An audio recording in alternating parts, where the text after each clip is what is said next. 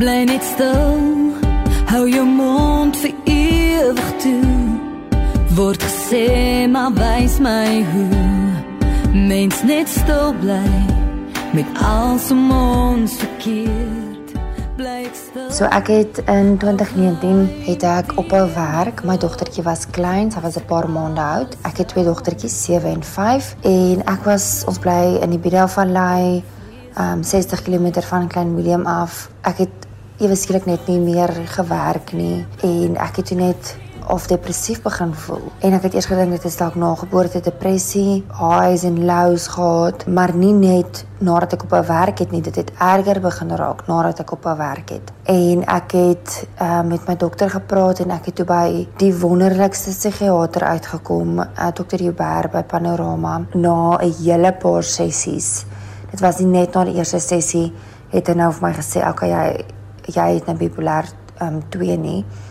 Ehm um, ons het 'n hele paar sessies deurgewerk en toe het hy vir my in September 2019 is ek toe gediagnoseer. Sy was aanvanklik geskok en Marleer ken eers het sy al die mites rondom hierdie siekte self geglo. Dit het gevoel asof my hart stil staan, maar die dokter het dit vir my baie mooi verduidelik. Diep binne het ek eintlik dit geweet alhoewel ek regtig waar ehm um, geskok was want ek het hierdie stigmas geglo. As ek kom van 'n klein dorpie af en daar word nie gepraat oor geestesgesondheid nie of geestesiektes nie. Ek het dadelik het ek hierdie label op myself gesit en ehm um, dadelik het ek gevoel ek is net nie meer Marley nie. Dit het my identiteit begin raak. Ek het die stigmas maar geglo.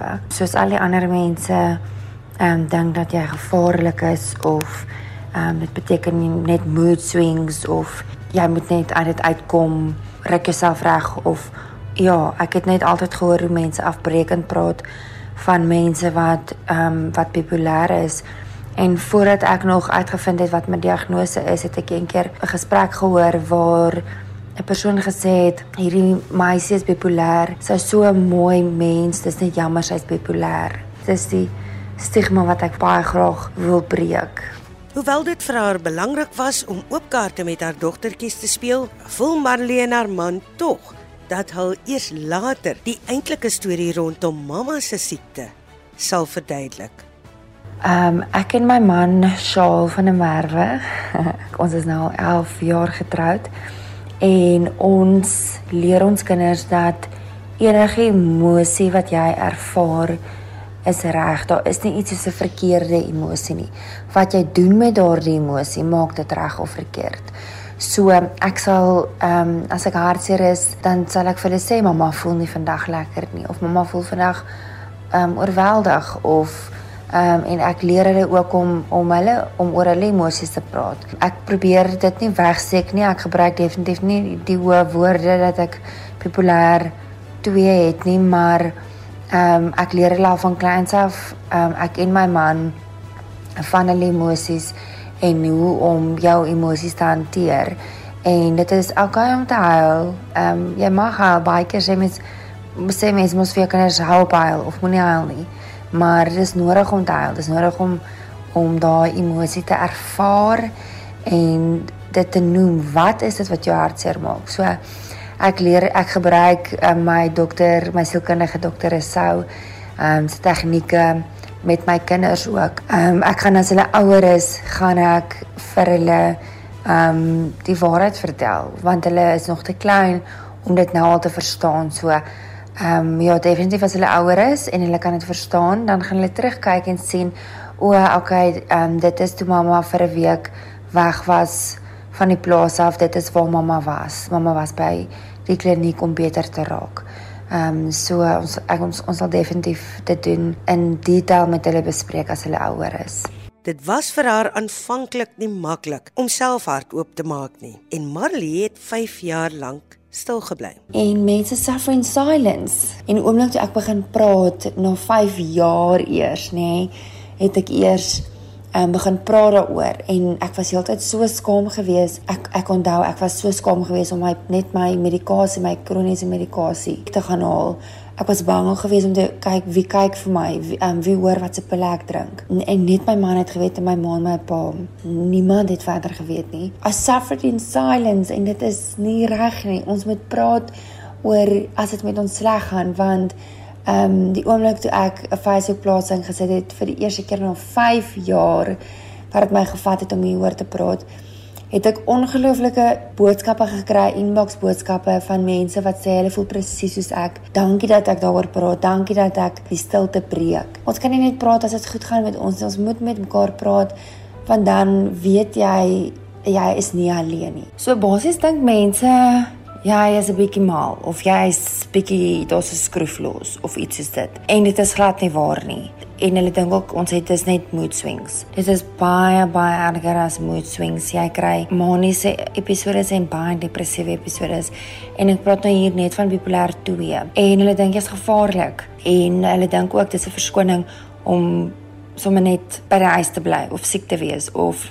nie werk te gaan nie. Dit is so regtig so reël soos diabetes of om 'n been te breek. En die regte storie daaroor is dit um, bepaal nie wie jy as mens is nie. Ek is nou op die regte medikasie uiteindelik na na baie lank. Ek lei 'n normale lewe, maar ek het nog steeds my highs and lows, maar nie so erg soos wat dit is sonder medikasie nie. Vandag is sy 'n passievolle onderwyseres wat ook graag boeke voorlees vir die jong span, kinderboeke skryf en audioboeke opneem. Wanneer ek um byvoorbeeld epimanies is, dan kanaliseer ek dit in 'n kreatiewe rigting. Ek sal binne 'n dag het ek een van my boeke geskryf. Ek het twee boeke uitgebring en ook audioboeke en my liefdeskinders, my liefdesstories, my liefde is om stories te vertel, om stories te skryf. Ehm um, so uh, ja, ek het 'n 'n webtuiste, ehm um, leeslisa.com waar mense my stories kan gaan gaan luister, kan gaan download. Dit is inspirerende stories. Die Milie familie in gevaar, geskryf en voorgeles deur Marley van der Merwe. Daar was een keer 'n gelukkige Milie familie en hulle was baie lief vir mekaar. Toe, op 'n dag in die Milie huis, is die gord gaar Pappa werk heeldag in sy kantoor en mamma raak so kwaad as hy sy beursie, sleutels en foon verloor.